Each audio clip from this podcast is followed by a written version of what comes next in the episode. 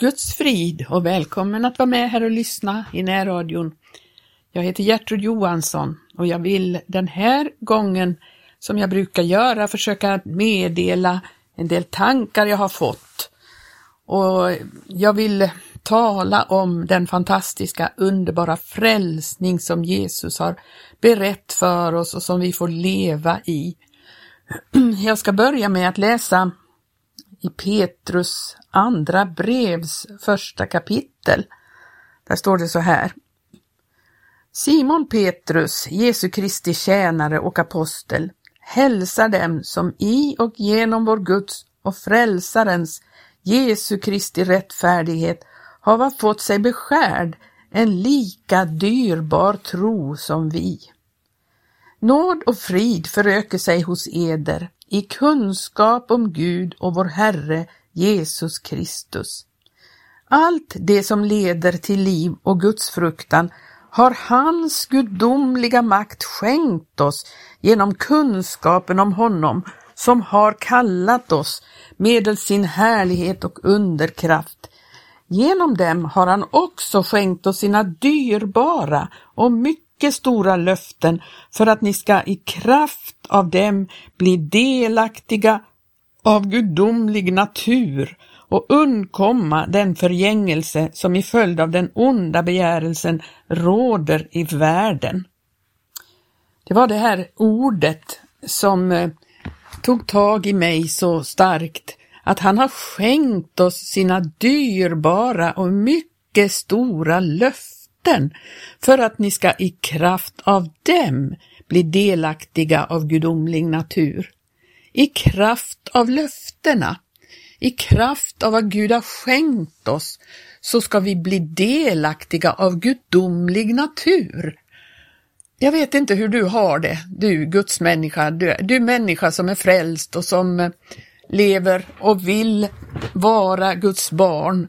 Har du upplevt någon gång att du bli besviken på dig själv, att du misslyckas att vara sån som du skulle vilja vara.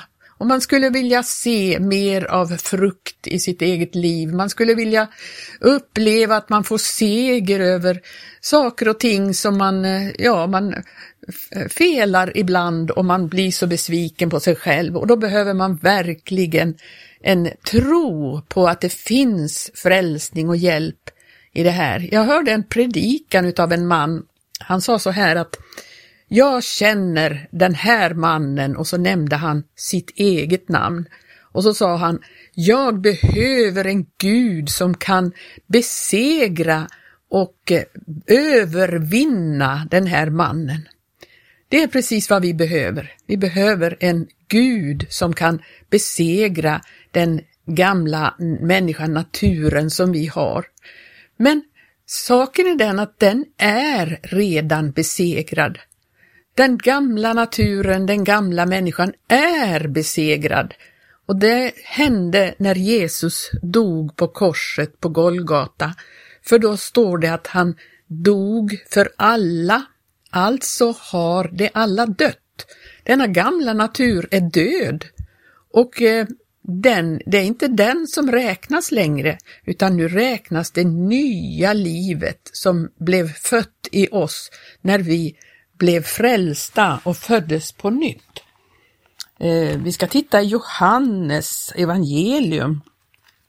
Där står det i femte kapitlets eh, femte kapitlets 24 vers så står det Sannerligen, sannerligen säger jag eder, den som hör mina ord och tror honom som har sänt mig, han har evigt liv och kommer inte under någon dom, utan har övergått från döden till livet. Tänk så fantastiskt! Och så kan vi fortsätta läsa i Johannes 15 där det står om att vi är eh, i den nya, att vi är i vinträdet, står det i Johannes 15 och 1. Jag är det sanna vinträdet och min fader är vingårdsmannen. Var gren i mig som inte bär frukt, den tar han bort och var och en som bär frukt, den rensar han för att den ska bära mer frukt. Ni är redan nu rena i kraft av det ord som jag har talat till er. Förbliv i mig så förblir och jag i er, så som grenen inte kan bära frukt av sig själv, utan allenast om den förbliver i vinträdet, så kan ni det ej heller, om ni inte förblir i mig. Jag är vinträdet, ni är grenarna. Om någon förblir i mig och jag i honom, så bär han mycken frukt, ty mig förutan kunde ni intet göra. Så är det, vi kan inte bära frukt av oss själva. Och det var det som, som jag ville försöka tala om idag, just det här att vi kan inte lita på vår egen förmåga att göra någonting. Att vi kan inte lita på vår egen förmåga att vara sådana som vi ska vara. Vi kan inte. Men eh, vi vill, eller hur? Vi vill och vi blir många gånger besvikna på oss själva och då är det ju så här att, att då får vi lita på honom så som ett barn litar på sin far, att han hjälper oss med det här. Att vi, vi får förbli i honom, förbli i tron på honom som har fött oss på nytt till ett levande hopp. Förbli i förtröstan att allt vad han gör det är för att vi ska lära oss mer, för att vi ska växa, för att vi ska komma till kunskap om honom. För vi läste ju det där att det är genom kunskapen om honom så blir vi delaktiga av gudomlig natur, att vi får veta mer och mer om honom. Men det börjar ju med att man blir född på nytt och då är man ett barn. Och ett barn litar på sin far. Ett barn förstår inte alltid vad far gör, men barnet är det ett normalt förhållande mellan barn och eh, fader så, så litar barnet på att far vet vad han gör. Far tar hand om det här som inte jag klarar, som inte jag förstår. Så, så litar jag ändå på att far vet bäst. Och i Johannes första brev så står det så här, ehm, då står det från tredje kapitlets första vers. Se, vilken kärlek Fadern har bevisat oss, därmed att vi får kallas Guds barn, vilket vi också är. Därför känner världen oss inte eftersom den inte har lärt känna honom. Mina älskade, vi är nu Guds barn och vad vi ska bli, det är ännu icke uppenbart. Men det vet vi att när han en gång uppenbaras ska vi bli honom lika, ty då ska vi få se honom sådan han är. Och var och en som har detta hopp till honom, han renar sig, lika som han är ren. Har vi fått detta hopp, har vi fått denna förhållande till honom, så vill vi rena oss ifrån allt som befläckar. Vi vill inte ha det längre. Vi tycker inte om det längre. Vi håller oss borta ifrån sånt som befläckar oss, därför att det är naturligt att vi gör det. Eh, det är den nya naturen i oss som eh, verkligen visar sig på detta sätt. Vi ska se vad det står i Kolosserbrevet 1 kan vi titta från nionde versen där. Ehm, det, det, handlar ju om att vi så som Guds barn ska växa till i kunskap och i nåd. I, eh, som det står då i Kolosserbrevet 1 och 9 versen. Och då hade eh, Paulus hört talas om att eh, de hade blivit frälsta och det hade kommit, ordet hade kommit till dem, de hade, de hade blivit födda på nytt och nu bär det frukt och växer till. Och de hade mottagit den undervisning och så skriver han så här i nionde versen, allt ifrån den dag då vi fick höra härom har vi därför å vår sida inte upphört att bedja för er och bönfalla om att ni må bli uppfyllda av kunskap om Guds vilja i allt slags andlig vishet och andligt förstånd. Så ska ni kunna föra en vandel som är värdig Herren, honom i allt till behag och genom kunskapen om Gud bära frukt och växa till i allt gott verk. Och genom hans härliga makt ska ni på allt sätt uppfyllas av kraft till att bevisa ståndaktighet och tålamod i allt. och ni ska med glädje tacka Fadern som har gjort er skickliga till delaktighet i den arvslott som de heliga har i ljuset. Ty han har frälst oss från mörkrets välde och försatt oss i sin älskade Sons rike. I honom har vi förlossningen, förlåtelsen för våra synder, i honom som är den osynlige Gudens avbild och förstfödd före allt skapat.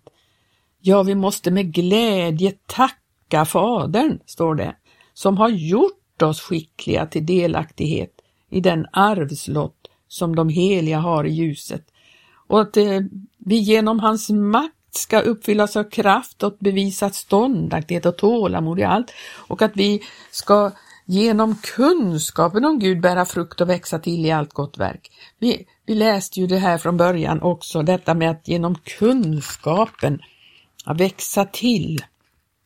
Genom kunskapen om honom som har kallat oss. Vi lär känna mer och mer om vem Gud är och vad Gud vill och vad Gud eh, har för avsikt med oss. Och ibland förstår vi inte hans vägar, men likt ett barn så kan vi alltid, eh, alltid lita på honom.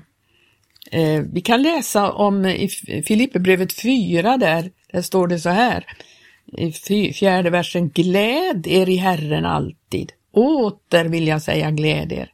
Låt ert saktmod bli kunnigt för alla människor. Herren är nära. Gör er inget bekymmer, utan låt i allting era önskningar bli kunniga inför Gud genom åkallan och bön med tacksägelse. Så ska Guds frid som övergår allt förstånd bevara era hjärtan och era tankar i Kristus Jesus. Ja, det finns en tillväxt och en kunskap i det här som gör att vi mer och mer eh, blir... Eh, vi upplever den här friden i våra hjärtan. Friden därför att vi behöver inte lita på vår egen ansträngning, vår egen förmåga att göra vad Gud vill. Vi vill ju följa honom, vi vill likna honom och vi blir besvikna när vi misslyckas. Men det är som ett barn som trillar omkull i leran och, och eländet. Den får ju resa på sig igen och få tröst och så får den bli avtvättad. Och det är så det får bli med oss också, att vi tvättas rena i, i, i hans blod under vandringen. Därför att eh, det finns en ständig rening för den som vandrar i ljuset. Så att eh, det finns en frälsning som håller i alla livets förhållanden. I Romarbrevet så kan vi läsa från 14 versen. Ty alla det, Romarbrevet 8 och 14, ty alla de som drivas av Guds ande, det är Guds barn. Ni har ju inte fått en träldomens ande så att ni åter skulle känna fruktan. Ni har fått en barnaskapets ande i vilket vi ropar Abba fader. Anden själv vittnar med vår ande att vi är Guds barn. Men är vi barn så är vi också arvingar, nämligen Guds arvingar och Kristi medarvingar, om vi eljest lida med honom, för att också med honom bliva förhärligade. Ty jag håller för att denna tidens lidande inget betyder i jämförelse med den härlighet som kommer att uppenbaras på oss. Visst är det fantastiskt? Vi är barn till Gud och vi kommer att komma in i en härlighet som är bortom tiden. Vi lever redan nu som Guds barn och som har vårt hem där ovan i himmelen och det här får vi tänka på, att vi har detta framför oss. Det är väl helt otroligt. I 24 versen i samma kapitel står det, ty hoppet är vi frälsta. Men ett hopp som man ser fullbordat är inte mer ett hopp. Hur kan någon hoppas det som han redan ser? Om vi nu hoppas på det som vi inte ser, så bidar vi därefter med ståndaktighet. Så kommer det här, så kommer också anden vår svaghet till hjälp. Ja, tänka, hans ande kommer vår svaghet till hjälp. Det är ju det som är lösningen på hela problemet. Hans ande, att vi blir uppfyllda av hans ande så att vi kan vandra, inte efter köttet utan efter anden. Och så fortsätter vi där. Ty vad vi rätteligen bör bedja om, det vet vi inte, men anden själv manar gott för oss med outsägliga suckar. Och han som ransakar hjärtan, han vet vad anden menar, ty det är efter Guds behag som han manar gott för de heliga. Men vi vet att för dem som älskar Gud samverkar allt till det bästa, för de som är kallade efter hans rådslut. Det här är väl en fantastisk vers. Allt samverkar till det bästa. Ja, det är lätt för den att säga som är frisk och stark och som eh, upplever att eh, allt går ganska bra. Det finns människor som får lida på olika sätt. Det finns människor som är sjuka. Det finns människor som har oerhörda motgångar i sina liv och allting. Men har vi detta andliga liv inom oss så säger Guds ord att allt samverkar till det bästa för de som älskar honom.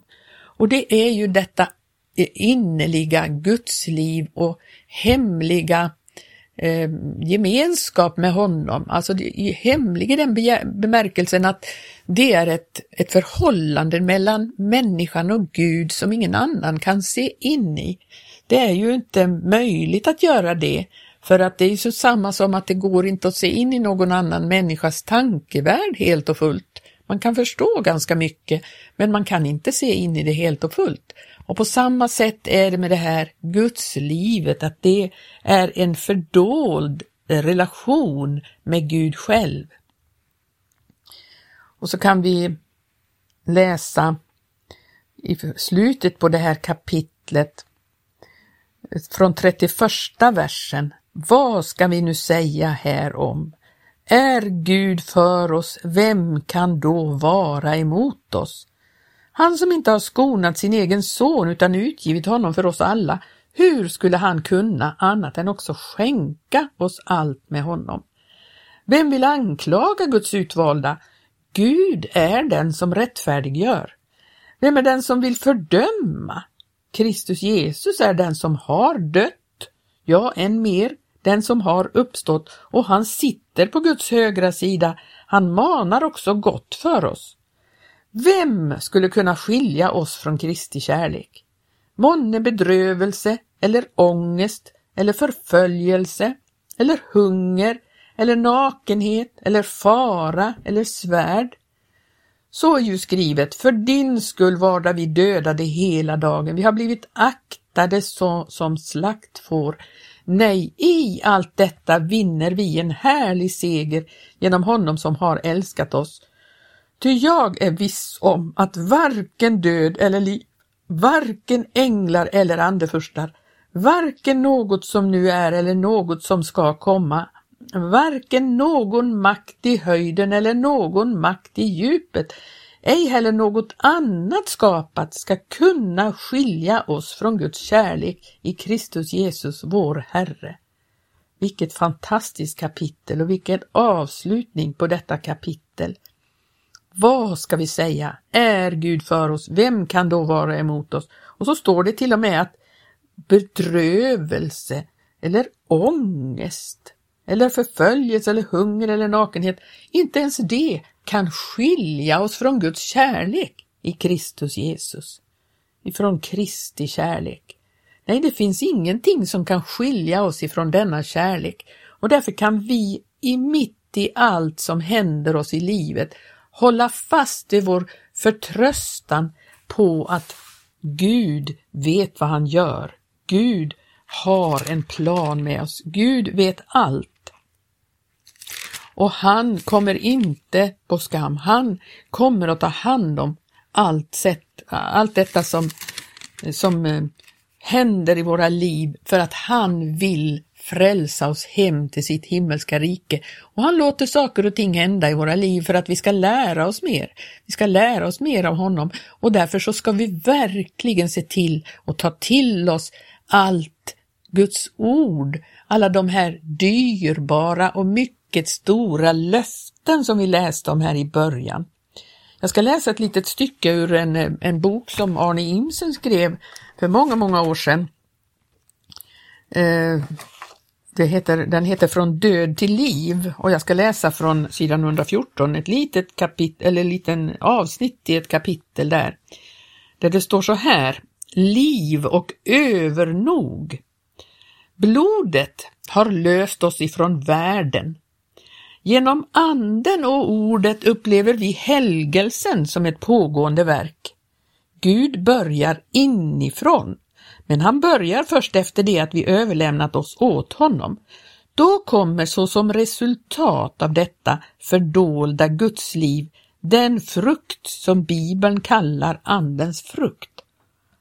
Ja, det, här, det var det jag talade om, detta fördolda gudsliv. Det resulterar helt enkelt i att det blir Andens frukt, den kommer att växa fram.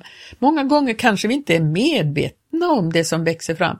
Ingen, eh, ett äppelträd gör ingen ansträngning för att frukten ska växa fram, den bara gör det utav naturen. Naturen är sådan. Och nu fortsätter vi där.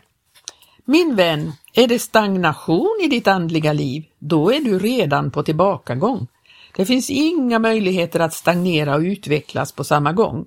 Stagnation är redan en tillbakagång. Vi skulle kunna aktualisera det här på ett närgånget sätt. Vi brukar tala om den första tidens kärlek och så vidare. Det är klart att om allting vore naturligt i överensstämmelse med Guds ord och hans vilja skulle vi inte behöva gå tillbaka till den första tiden och hämta erfarenhet av den, utan då skulle denna gudomliga kärlek vara mycket mäktigare verksam i våra liv idag, eller hur? Då det gäller vårt trosliv skulle vi inte behöva gå tillbaks till den första tiden och hämta erfarenheter, men ändå är det på det sättet att det är många som har upplevelser i historien, men saknar dem i nuet. Det har blivit stagnation på något sätt i deras andliga utveckling och därför blir också atmosfären så tjock och så ljum och sövande. Gud vill att vi ska uppleva en andlig utveckling, ett framåtskridande. Församlingens kraft och styrka ska inte avta, utan den ska förökas. Hur kan jag veta det med så stor bestämdhet? Jo, jag vet därför att ovanstående bibelsammanhang, och då har han läst i Fesebrevets eh, femte kapitel, eh, ger besked på en punkt att han är församlingens frälsare, eller som det heter i grundtexten, han är församlingens hälsa. Om församlingen är sjuk, om dess tro är svag och tynande så kan vi väl inte säga att det är något som fattas i Jesu försoningsverk. Det måste finnas en förklaring som ligger oss mycket närmare än så. Han är församlingens hälsa. Finns det någon brist hos honom? Räcker han till för församlingen i alla tider? Räcker han till för församlingen i nuet? Kan han utrusta sin församling så den blir i stånd att förverkliga hans planer? Hos honom finns ingen svaghet.